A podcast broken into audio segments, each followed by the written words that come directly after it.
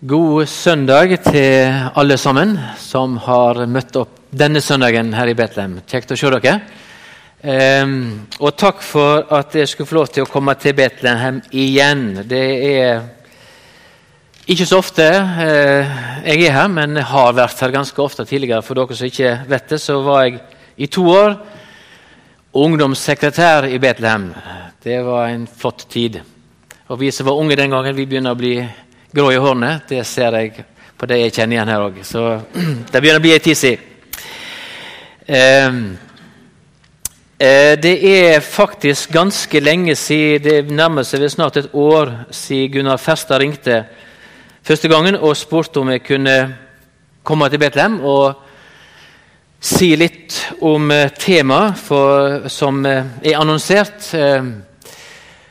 Egentlig var det planlagt i fjor høst, eh, men så skjedde det at etter 17 år i, som forsamlingsleder i Salem, så sa jeg ja til en ny utfordring i Misjonssambandet.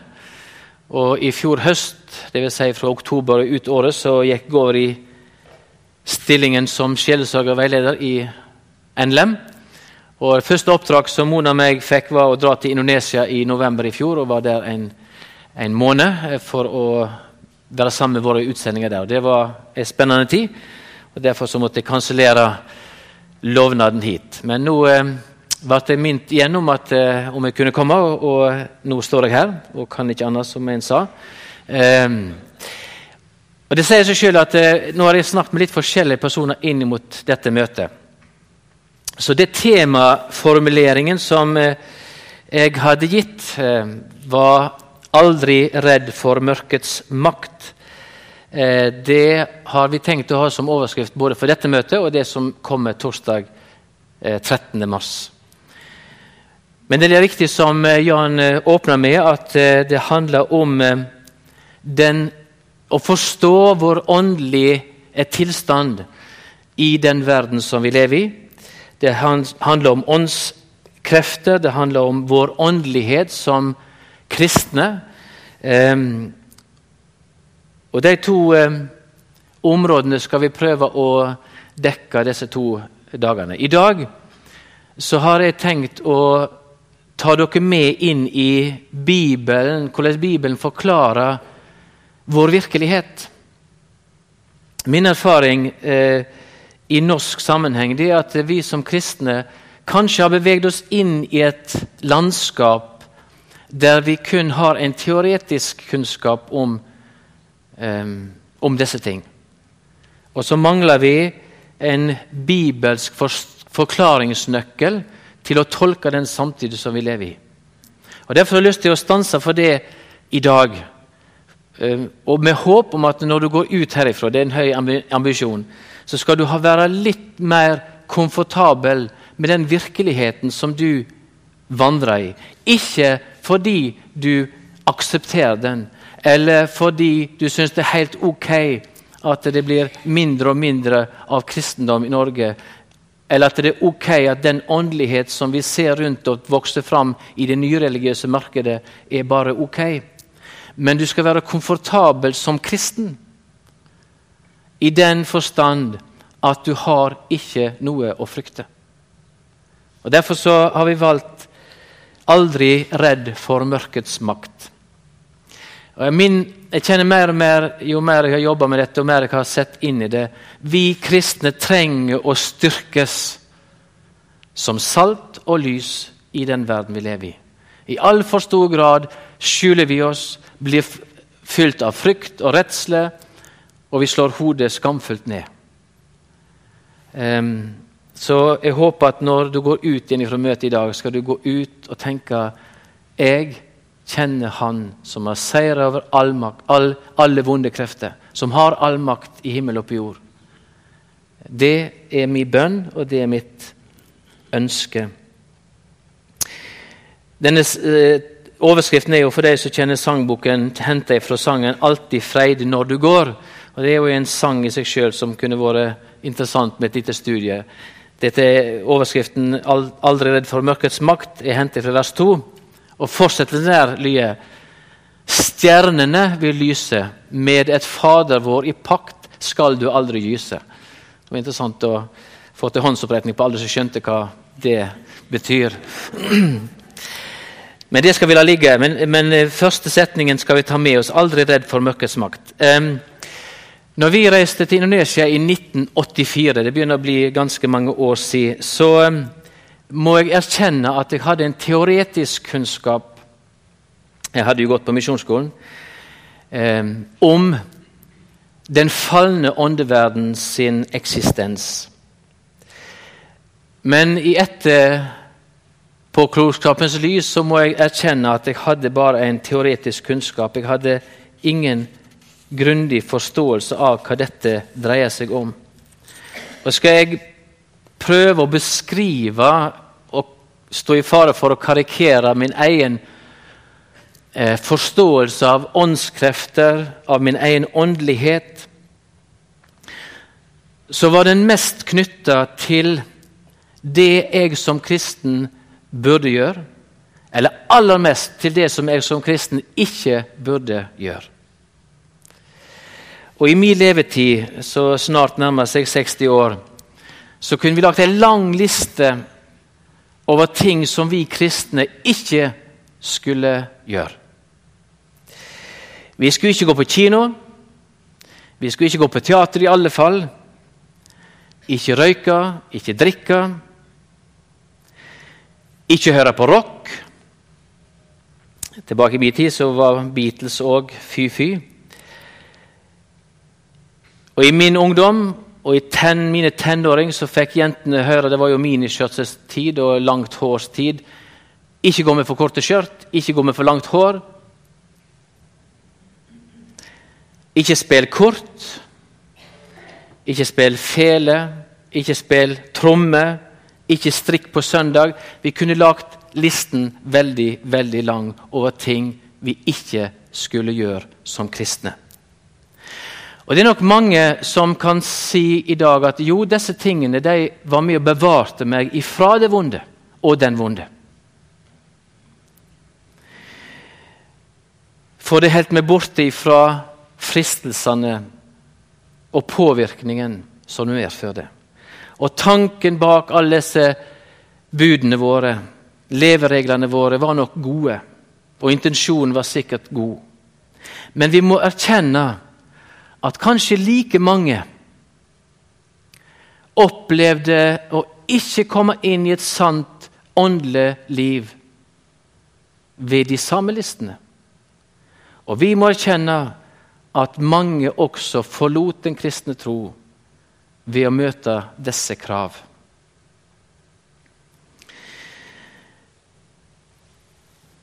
Og hvorfor skjer det? Jo, fordi vi mennesker har en tilbøyelighet til å gjøre åndskamp og åndskrefter til noe som er tydelig i det ytre. Vi gjør også vår åndelighet til noe som viser i det ytre. Og Nå sitter kanskje noen og sier ja, men er ikke det det Bibelen sier? Det skal vise på fruktene. Jo, helt rett. Men faren for oss er at vi kommer ikke dypt nok og vi kommer ikke langt inn nok i Guds ord til å forstå hva åndskrefter handler om, og hva din og min åndelighet betyr. For det som er faren for oss når vi bare henger oss opp i det ytre, er at vi gjør det ytre til målestokk på hva som leves på innsiden av våre liv. Dersom du ikke røyker og ikke drikker, så er du en god kristen, er veldig snart konklusjonen vår. Og Problemet med det Hvis dette blir den generelle tanke blant oss kristne, at hvis vi bare oppfører oss kristelig, så har vi et sant åndelig liv, og vi er skånt ifra all åndskamp og all åndelig påvirkning i vårt samfunn, så bommer vi. Og Risikoen er at vi går rundt som åndelige skuespillere. For det er ikke vanskelig å spille åndelig korrekt. Det er helt noe annet når vi begynner å snakke om hva åndskrefter, hva ånd er det som bor i ditt og mitt hjerte. Og hvis den som har Guds ånd, blir dreven av Guds ånd, og gjerningene er deretter. Men det er dette temaområdet jeg har lyst vi skal prøve å vandre noen steg inn i. Så det å kan få lov til å ta med dere ut i hverdagen de redskap som Guds ord gir oss for å møte den virkelighet som vi står i, som handler om ny religiøsitet, som handler om påvirkning, som handler om alternative ting. Disse tingene skal vi snakke mer konkret om på torsdag 13., så sett av den datoen.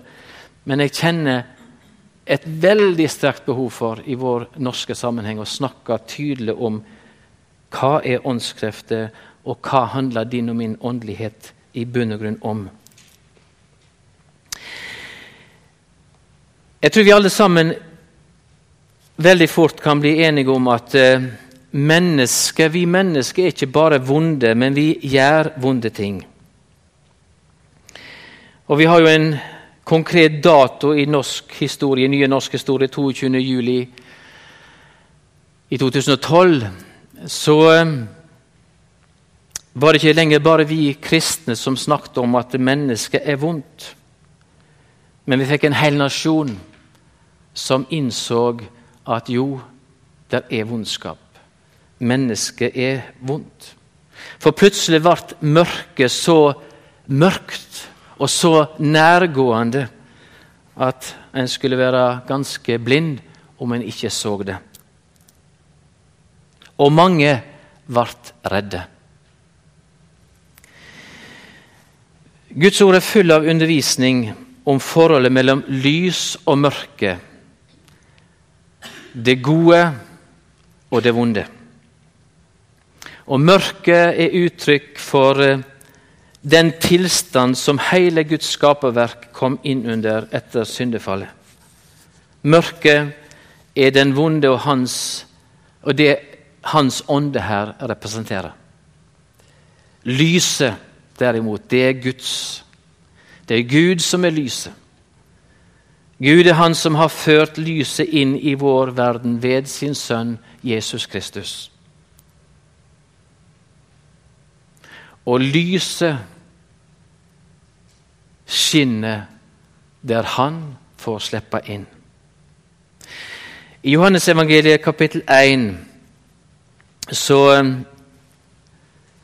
Det som vi kaller for Johannesprologen. Så eh, proklamerer Guds ord tydelig for oss at Jesus Kristus kom til jord for å jage mørket bort. Og Guds ord er enda mer tydelig på det faktum at den som tar imot Jesus Kristus som Herre og Frelser, går over ifra mørket til lyset. Det er to vers som jeg syns oppsummerer alt dette på en fantastisk måte. og Nå skal vi begynne å stige inn i Guds ord. I Kolosserbrevet 2, 14 og 15. og Har du Bibel, så gjerne slå det opp. Eh, jeg var litt seint ute her i stad, så jeg fikk ikke lagt det inn på, på storskjermene. Men eh, eh, de får lytte godt etter. Kolosserbrevet 2, 14 og 15. Der står det slik Skuldbrevet mot oss sletta han, det som var skrevet med lovbo. Han tok det bort fra oss da han nagla det til krossen. Han kledde maktene og åndskreftene nakne og viste dem fram til spott og spe da han synte seg som sigerherre over dem på krossen. To fantastiske verk som oppsummerer hele Jesu frelsesverk på en fabelaktig måte. Men kanskje er det sånn at i vår bedehustradisjon så er vi veldig komfortable i vers 14. Det tar oss inn i sentrum i evangeliet, som forkynner oss hvordan Jesus sona for dine og mine synder. Skuldbrevet vårt, det er naglene til korset. Jesu blod renser fra all synd. Dette er toner som vi kjenner treffer på innsiden i våre liv. Men i dag skal vi bevege oss litt mer over i vers 15, som kanskje er litt mer ukjent for oss, og som vi kanskje ikke helt forstår dybden av. For det står han kledde maktene og åndskreftene nakne og viste dem fram til spott og spe da han synte seg som sigerherre over dem på krossen. I eldre omsettelser så står det han avvæpna maktene og myndighetene. Og på engelsk he disarmed the rulers and authorities. Han, he disarmed. Han tok våpen ifra den falne åndeverden, den vonde og hans ånde her. Det òg er et fantastisk budskap for deg og meg som tror på Jesus Kristus. Jesus har tatt våpenet, eller ammunisjonen, ifra den vonde. Og Bildet som Paulus bruker, det er å hente fra hans samtid, der den seirende part i en krig tok våpen ifra fienden, kledde de nakne og lot de marsjere gjennom gatene til spott for folket. Det er jo et lite human handling, iallfall. Hvis det hadde skjedd i vår tid, så hadde nok menneskerettigheter og andre rettigheter blitt ført til torgs for å si at dette er en inhuman måte å handle, behandle folk på.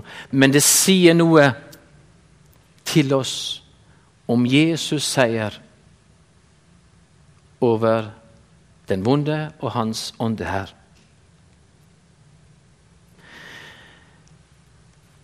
Det sier noe viktig. Men så er spørsmålet Hvor er det den vonde har sine våpen? Hvor er det den vonde har sin ammunisjon? Den som Jesus tar ifra han, og har tatt ifra han. For den som tror. Vi skal lese Efeserbrevet, kapittel 6. Nei, beklager, kapittel 2, og vers 1 til vers 3. Efeserbrevet 2, 1-3. Og Her skriver Paulus til menigheten i Efesus, og vi skal legge nøye merke til det han skriver. Og jeg personlig kjenner at det, det er ubehagelig rett og slett å lese, lese det og, og, ta det inn over seg hva han egentlig sier. Men det er Guds ord, og vi skal lese det. Han snakker om det de var før, og han snakker om det som de er blitt ved troen på Jesus. Men først skal vi snakke om det som de var før. Det var en gang døde på grunn av misgjerningene og syndene deres. Det levde i deg slik en gjør i denne verden, og let dykk leie av han som, han som styrer i himmelrommet, den ånda som nå verker i de ulydige. Og Det hadde vært veldig behagelig hvis vi kunne sagt dette gjelder bare menigheten i Efesus. Men Paulus går videre i vers 3. Ja, en gang levde vi alle som deg. Han inkluderer oss alle sammen. Vi følgde lystne i vårt eget kjøtt og blod. Vi gjorde det vårt kjøtt og våre egne tanker ville, og vi var av naturen vreidens barn liksom alle de andre. Vi blir sett i en felles sekk alle sammen. Der Paulus sier to ting. Vi let oss alle før vi kom til tro. Bli styrt av Han som styrer i himmelrommet, den ånda som nå verker i det ulydige. Punkt to. Vi følgde lystne i vårt eget kjøtt og blod. Vi gjorde det vårt kjøtt og vår egen tanke ville. Paulus knytta en allianse mellom ditt og mitt legeme. Din og min falne natur og den vonde og hans ånde her. Og Det syns jeg er ubehagelig. Men Bibelen sier det er en realitet etter syndefallet. Det er en realitet som Jesus kom for å fri oss ifra.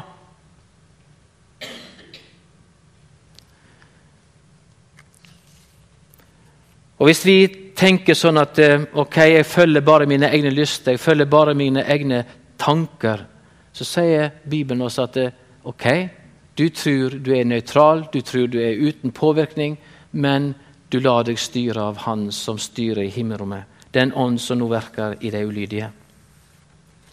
Vår falne natur, det gamle mennesket, gamle Adam, er en allianse med den vonde og står imot Guds vilje. Det er Guds klare ord. Og det er her den vonde henter sine våpen. Det er ditt og mitt gamle liv den vonde henter sin ammunisjon. Men den ammunisjonen blir tatt ifra han når, et, når mennesket vender seg til Jesus Kristus, bekjenner sin synd og sier 'Jesus, kan du tilgi'? Det kunne vi sagt mye om, for det handler om det sentrale. Men før vi går videre på dette, så har jeg lyst til å bare si to ting til, understreke to ting til. Det første den vonde eier ingenting. Det er viktig for oss å være klar over. Den vonde eier ingenting. Det han disponerer, har han stålet eller tilgjort seg på urettmessig vis. Han er en tjuv, han er løgnens far. Alt det skapte hører Gud til. Av og til så kan nok vi kristne komme i skade for å tillegge den vonde eierskap til visse ting. Det skal vi ikke gjøre. Den vonde eier ingenting. Alt det skapte, hører Gud til. Men han har stålet, tilrøvet seg ting som Gud ønsker å vinne tilbake.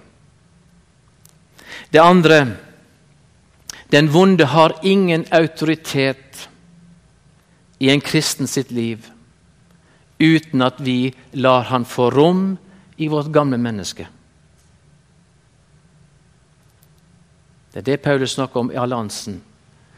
Den vonde har ingen, og hans ånde her har ingen autoritet i ditt og mitt liv som kristne mennesker, uten at du og jeg åpner opp våre sanser og vårt hjerte, vår tanke, til hans manipulasjoner. Og La oss ta et eksempel som igjen viser oss hvor sårbare vi mennesker er.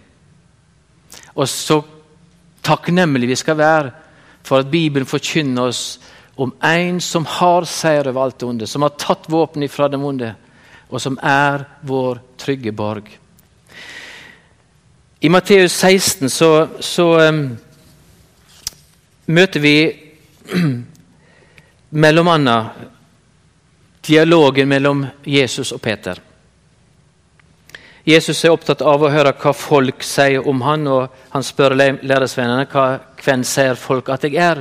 Og Så får han litt ulike svar. Men så er Jesus opptatt av hva, hvem sier det at jeg er. Han ser på sine læresvenner og så spør han hvem sier det at jeg er. Og Peter sier, 'Du er Messias, den levende Guds sønn'. Og Jesus svarer, 'Sel er du, Simon, sønn til Jonah'. Og legg merke til hva han sier. For dette har ikke kjøtt og blod åpenbara for deg, men Far min i himmelen.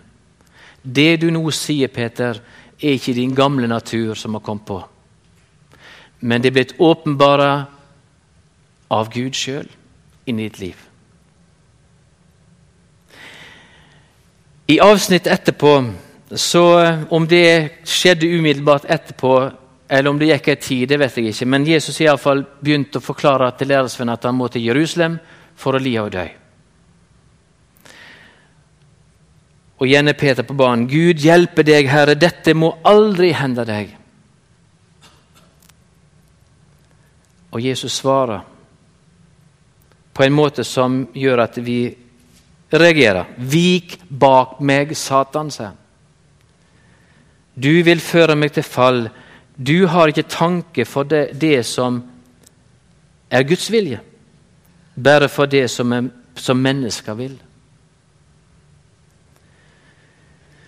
Vi opplever det som harde ord, ord som vi forhåpentligvis aldri ville sagt til et menneske. Men Jesus ser bakenfor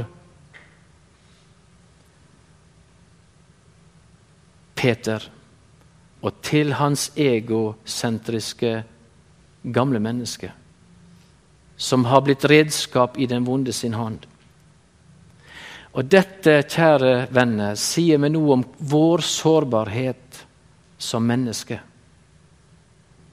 Og hvor igjen jeg har lyst til å understreke hvor godt det er vi får lov til å ha både vers 14 og 50 i Kolessabrevet, som forkynner oss Jesus seier over alt det vonde. For hvem av oss kan si at vi klarer å styre tunga vår, tanken vår, hjertet vårt? Vi skjønner at den vonde har en enkel adgang inn i våre liv. På et helt annet plan enn bare om vi klarer å oppføre oss som kristne eller ikke. Men vi har en som holder oss fast, og som sier 'Dette er din kamp'. Så lenge du er i denne verden, så kjemp i denne kamp, for jeg har seira. Og Derfor så oppfordrer Guds ord oss igjen og igjen om å legge av det gamle mennesket og ikle oss det nye. Og Vi skal lese videre fra Efeserbrevet, og denne gangen fra Efeserbrevet 6.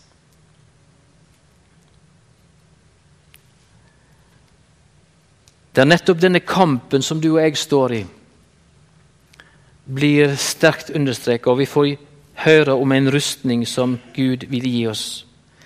Fra vers 10. Til sist, bli sterke i Herren, i Hans veldige kraft. Ta på dykk hele Guds rustning, så det kan stå faste mot djevelens listige åtak. For vår strid, vår kamp, er ikke mot kjøtt og blod, men mot makter og herredømme, mot verdens herskere i dette mørket, mot vondskapens ånde her i himmelrommet. Ta de for hele Guds rustning på, så de kan gjøre motstand på den vonde dag, vinne overalt og bli stående. Det er formaningen, oppfordringen fra Guds ord til oss. Ta Guds fulle rustning på. Så kan vi lese videre fra vers 14. Så står det å faste, spenn sanninga til beltet om livet, ta rettferd til brynje, og snør fredens evangelium til skor på føttene, så de er klare til å gå. Luft trua høgt til skjold i alt som hender. Med det kan de sløkkje alle brennende piler fra det vonde. Ta frelsas til hjelm, og grip Andens sverd, som er Guds ord Gjør dette i bønn, og legg alt framfor Gud. Be alltid i Anden. Vak og hold ut i bønn for alle de hellige.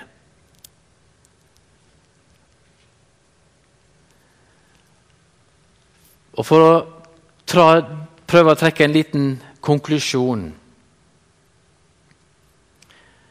Det jeg prøver å formidle, og jeg håper du klarer å gripe, det er spørsmålet hva for våpen, hva for ammunisjon er det du fyller og jeg fyller våre liv med? Um, Guds ord gir oss våpen til seier. Guds ord gir oss formaning, rettledning, undervisning.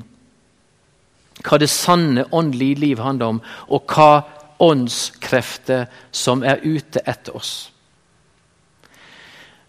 Men Guds ord understreker igjen og igjen at vi trenger ikke være redde. Aldri redd for mørkets makt. Men det betyr ikke at vi skal være ignorante for det. Ikke ha kunnskap, ikke forstå hva det handler om. Men i møte med den verden du og jeg står i, så har vi all grunn til frimodighet. For vi har seier i Jesus Kristus. Og han har sagt han skal bevare oss inntil enden. Det er ingen makt, ingen kraft, som skal kunne rive ut av Guds hånd.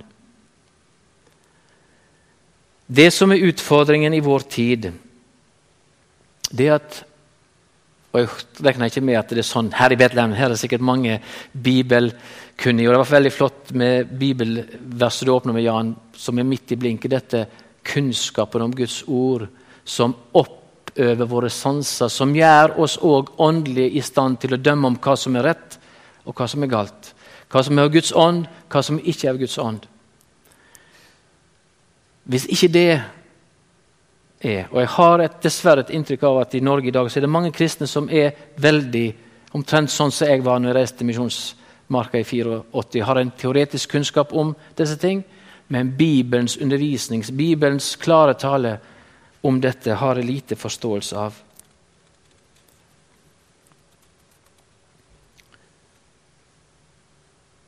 Og Derfor så um, hadde jeg lyst til å bruke denne anledningen for å si litt om dette. Og Jeg håper du kan gå ut med frimodighet, med noe et ønske. Jesus, før meg inn i ditt ord. La meg få kjenne at din ånd tar tak, og hjelp meg så jeg kan holde meg i ditt fellesskap. For det som eh, rører seg rundt oss, det er ikke det vi må erkjenne som kristne, at eh, kristendommen er på vikende front. Det ser vi. Det er kristne verdier, kristen tanke.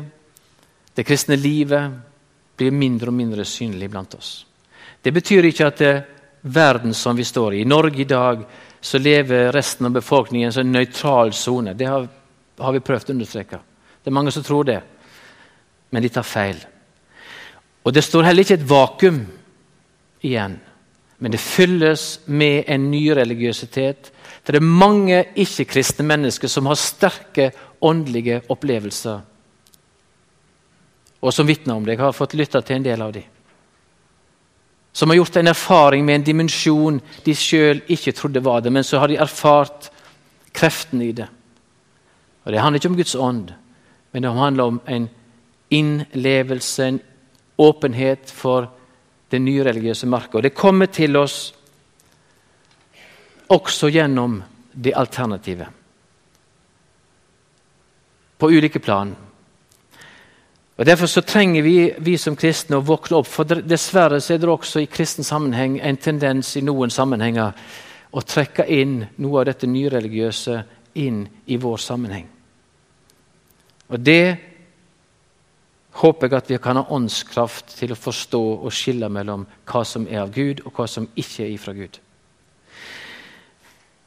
Det er mange ting vi, vi eh, sikkert skulle vært innom, og kanskje noen er skuffa nå fordi jeg ikke er mer konkret på, på, det som går på de alternative tingene. Men igjen, det skal vi snakke veldig mye mer om på den 13., torsdag 13. mars. Så sett av den dagen. Da skal vi òg kunne samtale litt og stille spørsmål. For det er mange ting innenfor det feltet som vi trenger å snakke litt tydelig om. Jeg har lyst til å avslutte med, et, med et, en oppmuntring til slutt. Fra Galaterbrevet 5 og vers 16. Jeg sier dere, lev et liv i anden. Da følger det ikke de vonde lystene i deres kjøtt og blod. En oppfordring. Lev et liv i ånden. Søk det som er der oppe, sier Kolossabrevet. Ikke det som er på jorda. Og la ditt sinn og din tanke bli preget av Guds ord. Og Gå gjerne hjem og les om igjen Salme 1. Og ha de lyst i Herrens lov, og ha din tanke og ditt hjerte gjennomsyra av Hans ånd. Skal vi be. Kjære Herre Jesus, vi takker deg igjen for at ditt ord er et levende ord. Og så ber vi Herre Jesus om at du får veilede oss i det daglige. Og må du tilgi oss at vi så altfor ofte gir den, rom, den vonde våpenet tilbake. Vi gir han vår munn, vi gir han våre handlinger, vi gir han våre ord. Herre Jesus, hjelp oss så vi kan erkjenne og bekjenne vår synd. Og gi den til deg, så du kan, igjen kan få ta våpen ifra den vonde. For du har nagla det til korset. Du har sona for vår synd, og du har avvæpna alle vonde krefter. Hjelp oss så vi som kristne med frimodighet kan gå ut i hverdagen og møte det livet som pulserer rundt oss. Der vi står midt i en samfunn som er mer og mer fjernt ifra det som hører ditt rike til. Men takk for at vi skal få lov til å vite og få lov til å gå i full forvissning om at du er den som har seira. Og vi skal få lov til å bringe ut ditt evangelium på nytt. La ditt lys igjen skine inn over vårt folk, vårt land, ja, til jordens ende. Velsign hver og en som er her. I ditt navn vi ber. Amen.